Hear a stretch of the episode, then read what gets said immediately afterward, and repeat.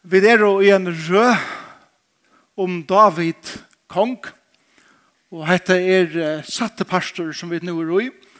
Og vi tar ta seg om henda mannen som eh,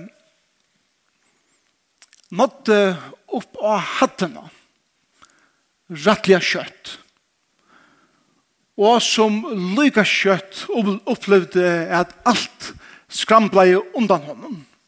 Og det tar seg om senast, hvordan høtjer eller støtter og vi vet, lener noen måter og kvile noen liv og knapplig være riktar undan noen. Og vi vet knapt blir standa vid i en støv i livet hva vi ikke har lener noen hatt. Og det hendte David. David, han som lærte senast, han, han mistet familien sin. Han slapp ikke langer heim til pappa sin og mamma syna, og bætjar synar, og systrarna og familjina. Han miste sitt starv, som hørspoleikare, og som herhøvne tja løyvaktene, tja Saul. Han miste kone syna, han miste samband vi henne, til at han hei større øtta for pappa synen, enn han hei karlæga til sin mann. Han miste sin radioa, Samuel. Han miste sin vin, Jonathan. Og at enda misti han seg sjolvan. Og så nekna samleika borster til han måtte leika ui som han overmæver for jeg bjerga sin liv og i filisterland.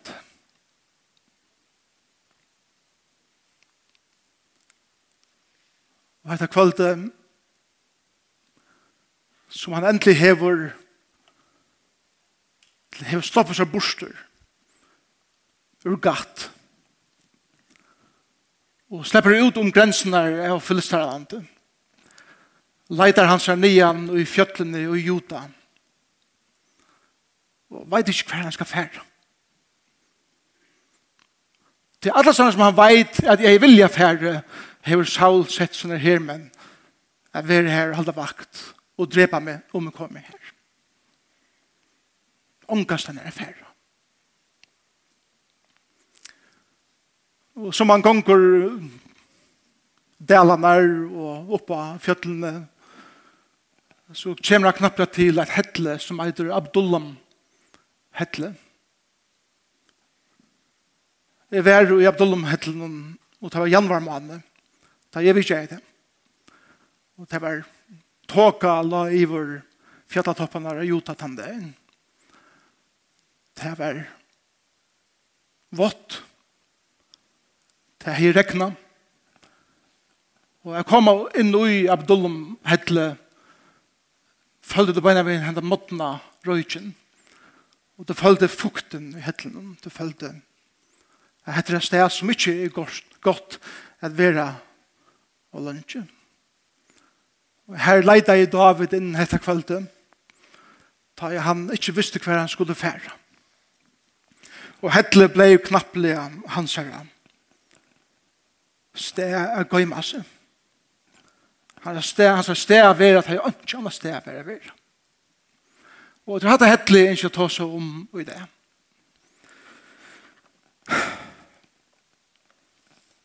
Okkara Abdullum hettelig. Veldig ofte er det kjenslet hettelig. Hvordan vi heva det. Og det kan være en kjallar i bo og ångstene i byen. Det kan være i flottaste husen i havn. Det kan være i kahuttene ombord. Det er steg hver to leita til til du ikke veist hver to skal fære.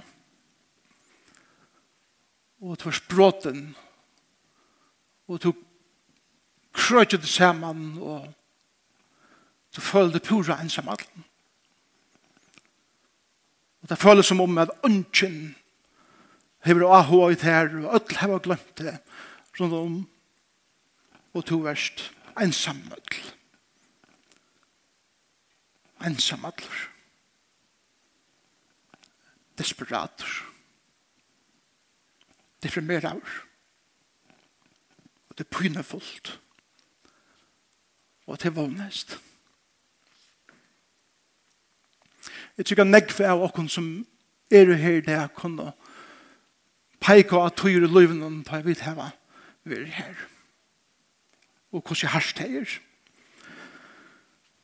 Og jeg sier senere at god hever ikke glemt det og i hessen støven og løyvene.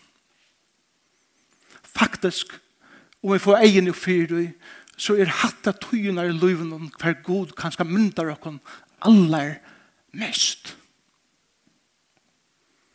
og slepper fram at leiren noen som på omkring man har blivet blett i slukken tøyen og myndar okken så det som han veit er vi kommer lydjast mest. Han sier sånn Jesus og vi skulle velja føla hvordan David hever det så Arne slo opp på fyrir samansbok 22 så så skal vi lese Salm 142. Det er Salm 142 er skriva vår ta i David vær og i hettelen. Så for jeg, for jeg får innleden og i som er hei det, så er det godt å lese den salmen. Så jeg bare lese den salmen for dere.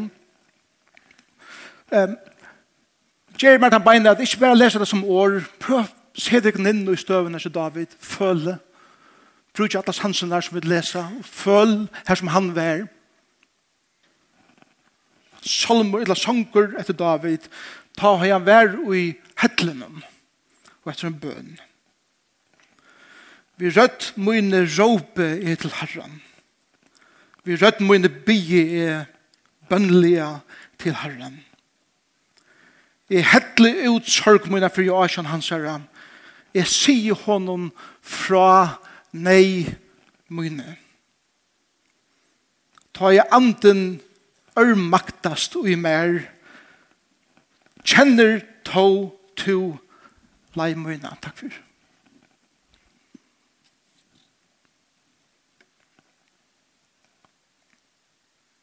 Av venen, av venen og jeg skal genga, har jeg lagt snerre fyrir meg. Hikk til høyre og sutt Ikke ein er som kjennes til meg. Ikke sjål er mer etter. Ikke ein er og spyr etter min sal, eller salmøyne. Jeg råper til Herren, Herre, jeg sier, to er sjålmøyt, loter møyne landet Herre som livet. Akta etter råper møyne, to er i storen hjelpersløse. Akta Bjarga mer fra taimon og litje etter mer. Du teir er mer og størstjer. lei salmoina ut ur fengehusen så jeg får lova navnet tøynon. Hinn rett hvis du skulle sauna seg rundan om meg, ta oi to gjerst vel vi med. Følg ditt. Føla ditt vognløse som David er i. Føla ditt hvordan oppgiven han er, som han uttrykker sin, sin sorg, sin pyne og sin nei for gode. David er nu kommet her til hver god slepp frem er at, er at mynda og bodja hentan mannen. Han kommer til det tøyene som løyver hver god slepp frem er at, er at byrja at brukan av ein spiltur nudjan hot og i livet. Jeg tykker for David kjente som om at livet er livet. Her er ikke etter å gjøre, jeg har mist alt rundt om meg, og, og negv i hesere støvende i livet kom her til hva det sier, til å ikke mer å gjøre, jeg kan akkurat se meg teka mot liv. Og det er mange som gjør det, som tar det komme her til, Ongan annan utveg så ikke ser enn at her kan sitt egna løyf. Det er det slått. Men god sier, David hadde byrjanen. Hadde byrjan til det han nytt. Tog at God er omgande livor å skriva syste kapitlen ut hun liv.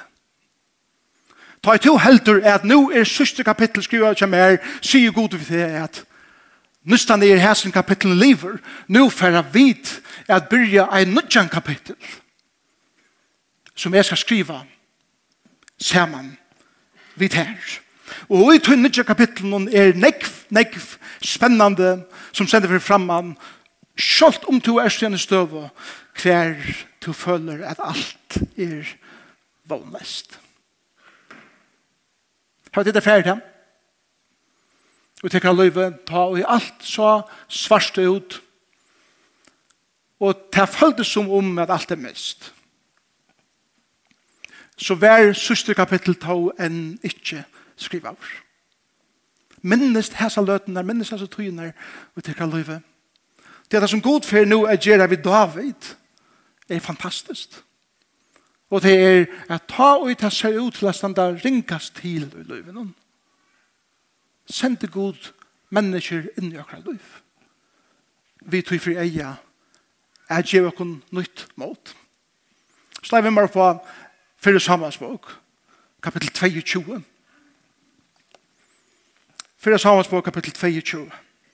Hvordan god kommer til okkara og i jøkken mennesker som han sender inn i okkara liv. Så vi leser nå fra 1. Samas bok, kapitel 22, og vi leser vers 1 og 2. David får nå hene til Irakis, dette sambandet i første kapittel, og flytter til Hedle ved Adullam. Legg som ikke til han sier. Ta i brøver hans herre, og alt hus fægers hans herre, fikk hettere fratta, kom og Tei hier til hans herre. Wow! Det er fantastisk? Det er første som David miste, da han kom til hans og sa, vær samband med sin familie. Og jeg vet ikke lunge, eller hvor lenge siden det var, så han David sa pappa sin, så han sa mamma sin, bare og søstrene, og bøttene og heimen og alt som, han har ikke haft et reglet samband, men nå tar han er nyast i livene. Høyre teg om at David hever det ikke godt. Og vi færre til hans herre. Og i hettelen i Abdullam ser David kanskje etter lenge tog for første fyr pappa sin natter. Mamma sin natter. Søskjene. Og bøttene som var så små, og nå er det blitt nekst større, de omfavner han nå. Og gledest og græter og flenner og lever sammen med heimen. Det stod til tøyen at jeg vet han her. Nå er familien kommet i et rett perspektiv. Nå er han kommet her til løven at jeg har mist alle mine høtjer, eller støtter, Og jeg har bare en at lene meg et i livet, og det er min god. Jeg har jo en kjenne. Ta ui så det som jeg heier av og lene meg et, kommer til meg, så er det ikke langt det som jeg kviler mot livet et, så jeg nå kviler jeg gode, men ta ferd det som jeg før har kvilt mot livet et, enda større tøtning i min livet til jeg finner et rett perspektiv inn i mitt liv hvordan jeg hittir oppa at jeg. Til jeg tar ut til neste beste som har vært nummer ett i min liv, fær sitt rette sted, kommer til i rett perspektiv. Nå er hva C.S. Lewis sier om dette. Han sier såleis, ta og jeg har lært at elska god, meir enn det som annars er mer kærast, kom jeg at elska mine kærast og enn meir enn jeg elskar i deg avfor. Men ta ui jeg elskar mine kæro og på bekostning av gode, eller i steg fire god, så kom jeg gengene lei hver jeg alls ikke fer jeg elskar mine kære av rattan hot. Men ta ut det som eier være fyrst være sett fyrst Og det som eier er sånn at nast, verer sett nast. Så fyrt her som stender nast, alls ikke at missa vire, men i stedet fyrir at vaksa og i vire. Amen. Så jo dit, veldig ofte blir vi høytjer, og det som vi se dere og alle litt av, vi er dere inntøka, vi er dere familie, vi er dere foreldre, eller bøten, eller hva det så er, ta i tæt livet dere første prioriteter i livet noen, og vi missa det, så missa vi det alt. Men tar vi lære å kvile av gode, så fer alt hit et nytt perspektiv og vekser i vire og i min liv. Det er det som C.S. Lewis sier. Og til her vi lære til og i jøkken tøyer som slikar og i David var ui. Og som vi er ui, det vet ikke hva det er godt kapittel fra vågjere, og så leser vi her at David fer allan veien til Mitzpe, til er i Moabslandet, og det er det Jordan, hinne minna Estanfire, fyrir dei havet. Og her fer det Moabs kong, og han sier, kom tid tega deg jeg og min familie, men jeg flytje undan Saul, til at jeg er ikke trygg heim i Israel.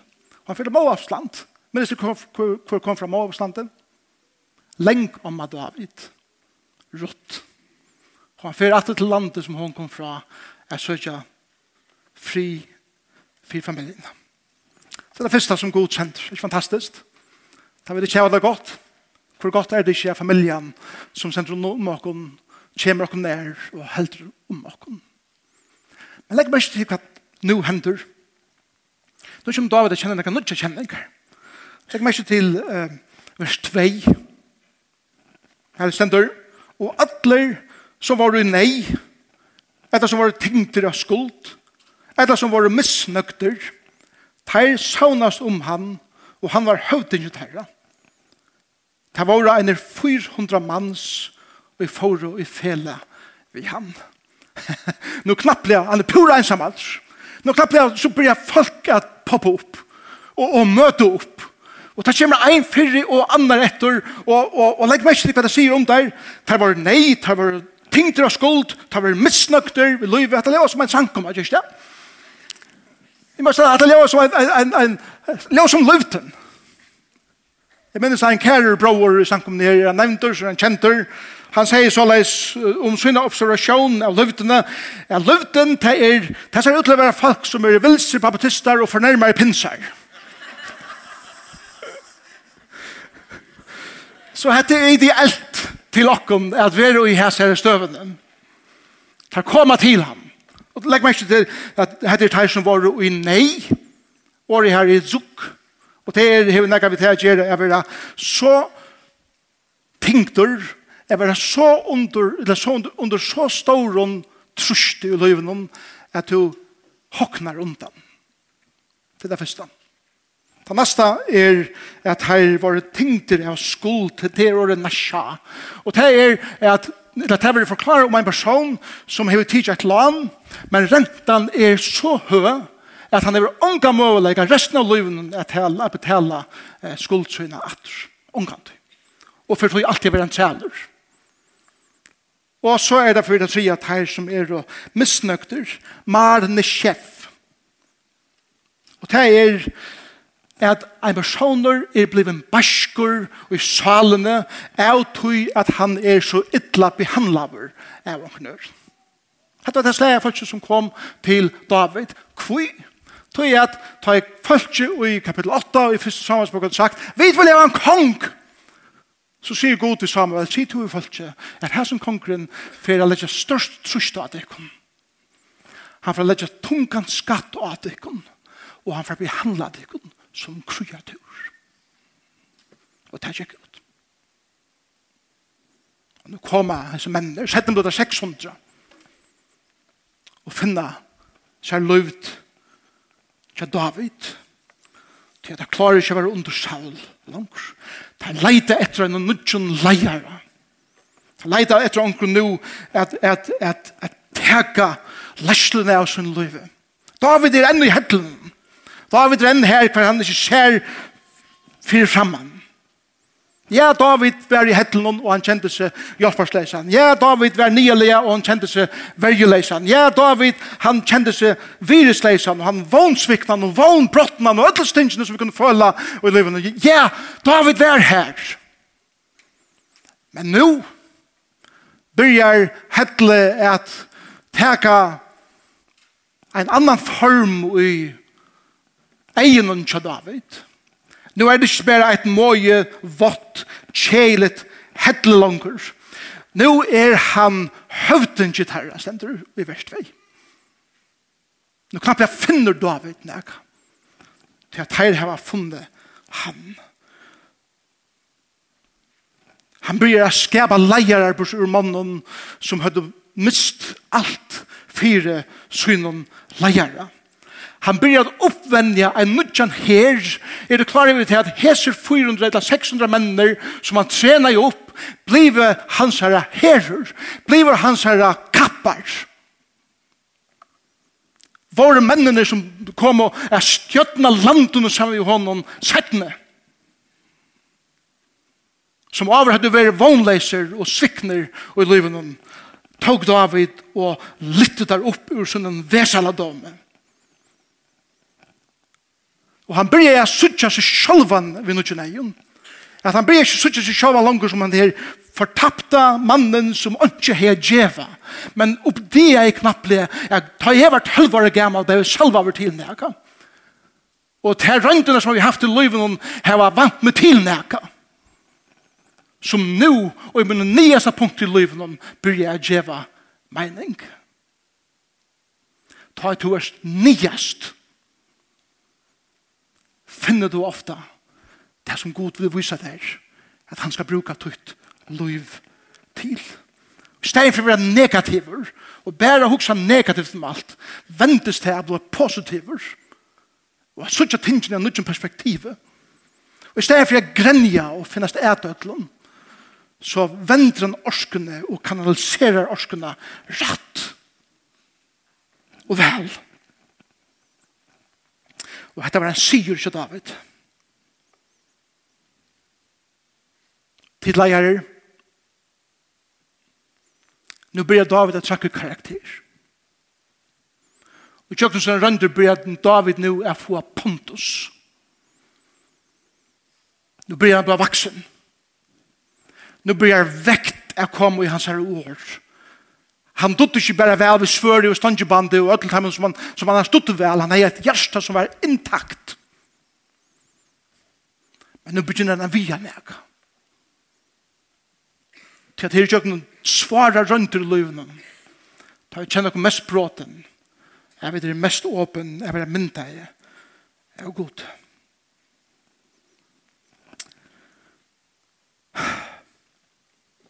Hva er tid?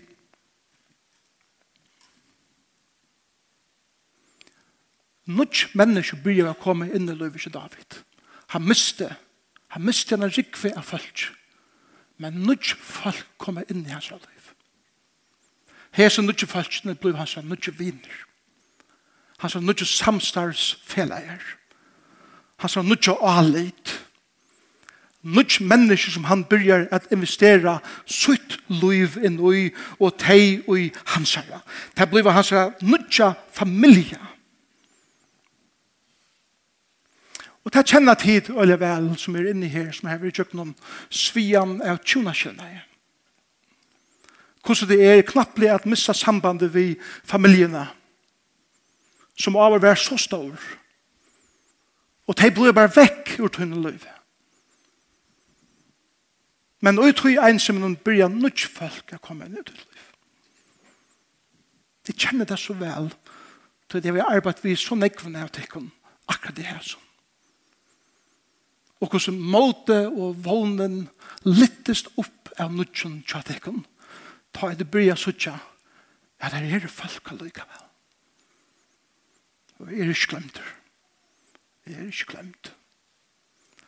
Og som leis tid som har mist arbeid, som kanskje er oppsøkt av arbeidsplassen, støven som det ikke er yngste affære ur, men tid er kort ut, knapplega opp det det da, men nå ikke arbeid er å eisne fitt folk, er eisne gå folk, som jeg nå kan byrja at investera mitt liv i, og de bliva min nutja familie. Salmer 6, er en annan salmer som David skriver i hettelen. Slå jeg på salm 6, vi får han opp på, opp på skjermen. La meg lese fra det, fra vers 1 til 4. Sommer 142 er David helt nyrre. David er enn i hettelen. Jeg vet ikke noen måneder han var her, men noen måneder. Og nå er måte et sindu bedre. Lurste vi mer fra Salme Shea alt rush. Til sangmesteren etter David sanger, tar han flytt, flytte undan Saul og vær i hettelen. Så leser vi vers 2. Hvem er nøyver god, hvem er nøyver? Tog at her søger Salmen sjål og i vantja skugga tøyne søg jeg meg løvd, inntil vannlokkan er av. Jeg råper til god til naksta, til han god som fullfører verksøyt fyrir meg. Han sender hjelp ur himmelen og frelser meg. Hva sier han til her? Jeg sier hva sier det er 400 menner som er misnøyd ved alt. Ter kom der, ter er himmelsenter til meg. Og du frelser meg, ta jo jeg være hoaver av teimen og lytja mer etter løyven og sjela. God sender nøye og trofeste syna. Nå har David finnje imensk folk enn i søtt løyv.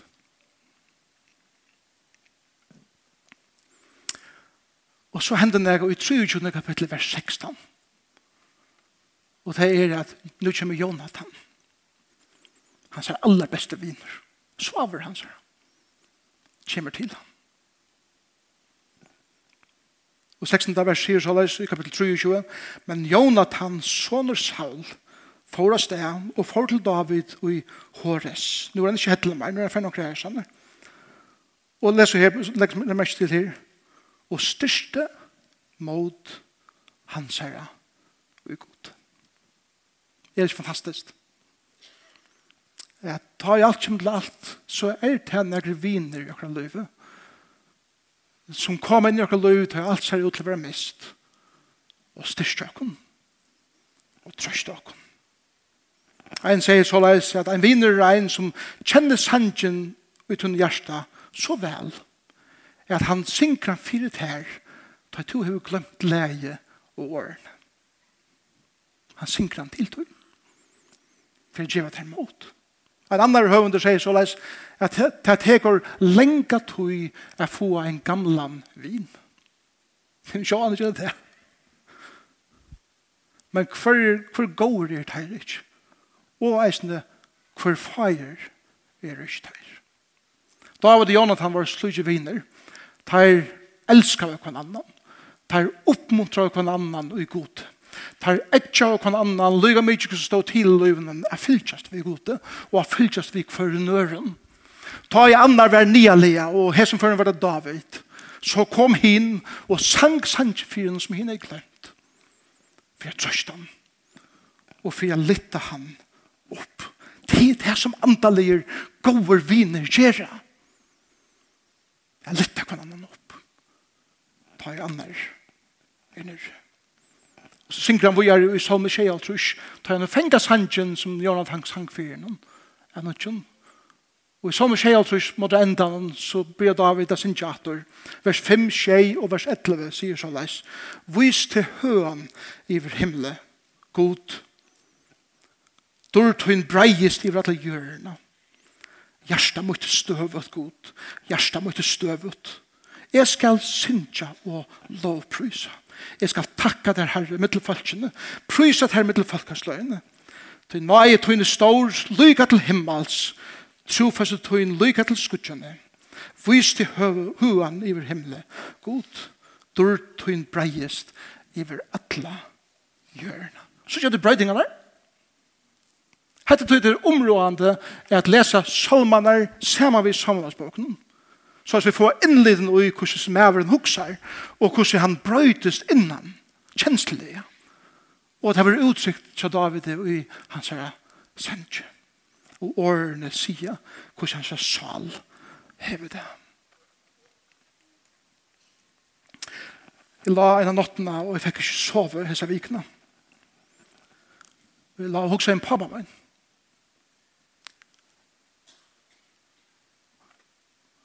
Og horen leitest at til. Til årene ta i pappe vær og hatten. Unker, nøyskifter, korsjan sammen med Brynleif, byrja seg repta, og alt ser ut til å genka vel.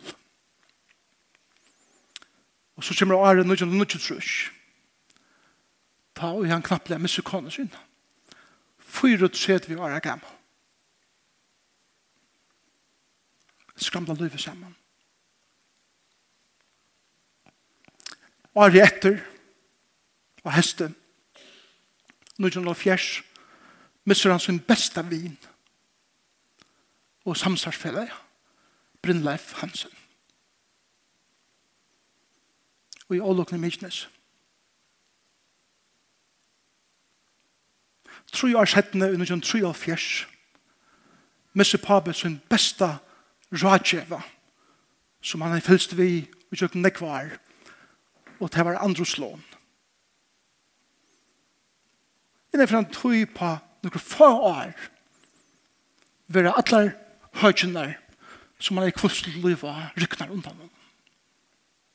Jeg undrer i at han er styr. Jeg stundi etter at lenda her heima. Så trøttan mengan. Jeg kjenner meg her. Men god så langt som tøyen skal være. Jeg boja lærme. Og tolman med gjer. Så det sånne kjenner kommer ikke bare av seg selv. Der kom at ta i neien størst i livet Og ta i er mest bleitur over mynda over hånden.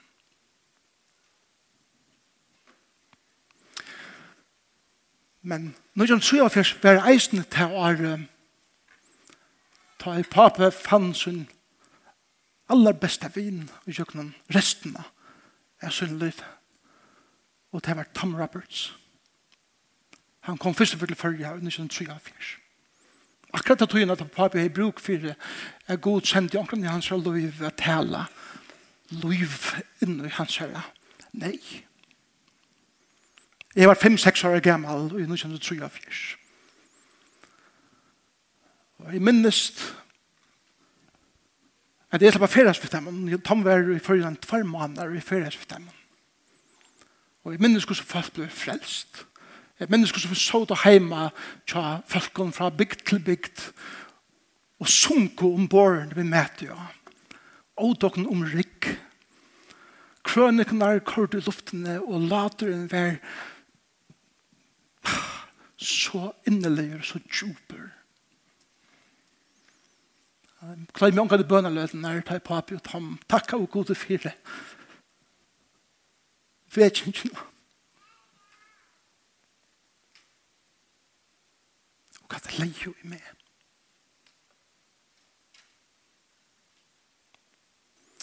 Og jeg pleier meg omgang til hvordan anledde jeg på pappa stralei. Hvor jeg for Tom kom. Til nå kom vinner hans her.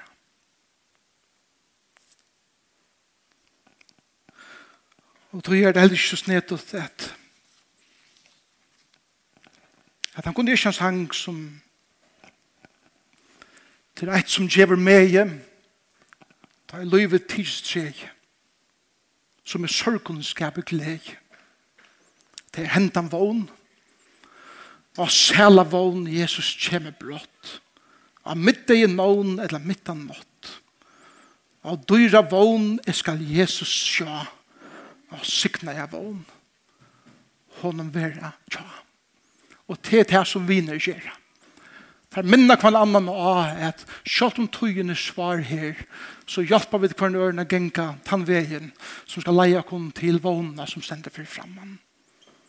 Det er en god viner. Og nå synes jeg bøttene kommer ut og jeg skal gjevast. Vi har sier noen få setninger som vi endte i det. Den første setningen er hessen. Vi kvørst er det godt at det var så illt i løyvenen at vi kunne ikke anna enn å gjøre dere på inn og sette år av hvordan ilt vi heva. Det er godt. David sier i Sønnen 42, er hettelig ut sørgmøyne og sier hånden fra neimøyne. Det er godt at heva så ilt i løyvene først, at jeg må uttrykke neimøyne fire god. Det er det første. Nummer 2. Vi først er det godt å være så ærlig og eimjukur at jeg vil måttekke hjelp fra teimen som god sender inn av mine lei at hjelpa meg. Og måtte være så ikke her i det. At du ikke er så stolter, at du ikke vil løyve øren mennesken inn ut ditt liv som kommer til nær og benker på og sier, kan jeg slippe at elske til? Vil du være så mye eimjøker og så mye stersker i det at du løyver heimen inn. Nummer 3. Vi kvars er det godt at oppleva at hettle blei steg hver du fannst fri. Hettle blei steg hver du vakna i. Hettle blei steg hver du trakka i karakter. Hettle Hettelbergsteg, hver god mynda i til at venda deg fra tunn egna veseldame og kanalisera til orskuna ut etter at sikna ånder vi, at oppvenja ånder vi, at bliva skæren, herren av menneskjon som du skal leva resten av tunn livet, samme vi, og sikra. Vi i jøkken lyga mykje hva det er som livet gjever per. Og så er det enda. En av var det et annet hettle som en person var lagt ur i. Men tre av dagen reiser han opp. Og det var grøv Jesus her. Så sier det, grøv Jesus her minner dere nå at lukka mykje kaffe hettle to verst og så eier til hedle ikke til. Så jeg fyrir ein og kvann som er givet ut liv til Jesus Kristus er ein opprasjon. Og Jesus er frumgråren, han er den første som reiser opp fra henne deg, men alt som høyre honom til skulle ur synen hettlån, eller grøvån, eller hva vi kallar det ein dag, rysa opp til evet liv. Og tror jeg vil si av det som er her der. Kjenner du han? som reiser opp ur hettelen og hendet deg inn. Jesus Kristus, som gav sitt liv for det. Kjenner du han? Vil du gjøre hånd til liv i det? Vil du ivet gjøre til liv til hans herre, som skal teka det, og lykke mye hver du erst, og leie til fram. Slå be sammen, og med å be kunne ta deg kan jo komme opp. Og ta vi synsja en eller tvær sanger er enda, så vi er forbønn. Og en og hver som ønsker forbønn, det kan bare komme fram her og gjøre det her, og vi er byen fire, og det er noe som vi er feien vil gjøre som er her. Slå vi sammen. Takkar Jesus for at ta vi finne noen sjolv i Abdullum hettelen, så tidsis det av mengene, vi er pura ensamme her, glemt, Men jeg takk derfor at det er at du sender liv eller andre mennesker inn i akkurat liv. Jeg gjør dere vågen av nødgjøn og dyrve av nødgjøn. Jeg takk derfor familiene som tar i alt det brottene om så så standa teg som akkurat bakkar. Jeg takk derfor nødg fremmand folk som kom inn i akkurat liv tar vi da mist sånn ekv og teg bliva akkurat beste viner samsvarsfellager og i versene. Og vi tæstar for gode viner som sanjen som vi har glemt for dere for jeg minner dere nå sanjen som vi eier. Og jeg ber her om at to hjelpbakene det er minnast at hettle er vi først er godt sted. Hjelpbakene ikke for bensje for hettle noen jeg kan løyve. men jeg er forveten om hvordan vi må for å finne til og oppleve til her. Og Jesu navn. Amen.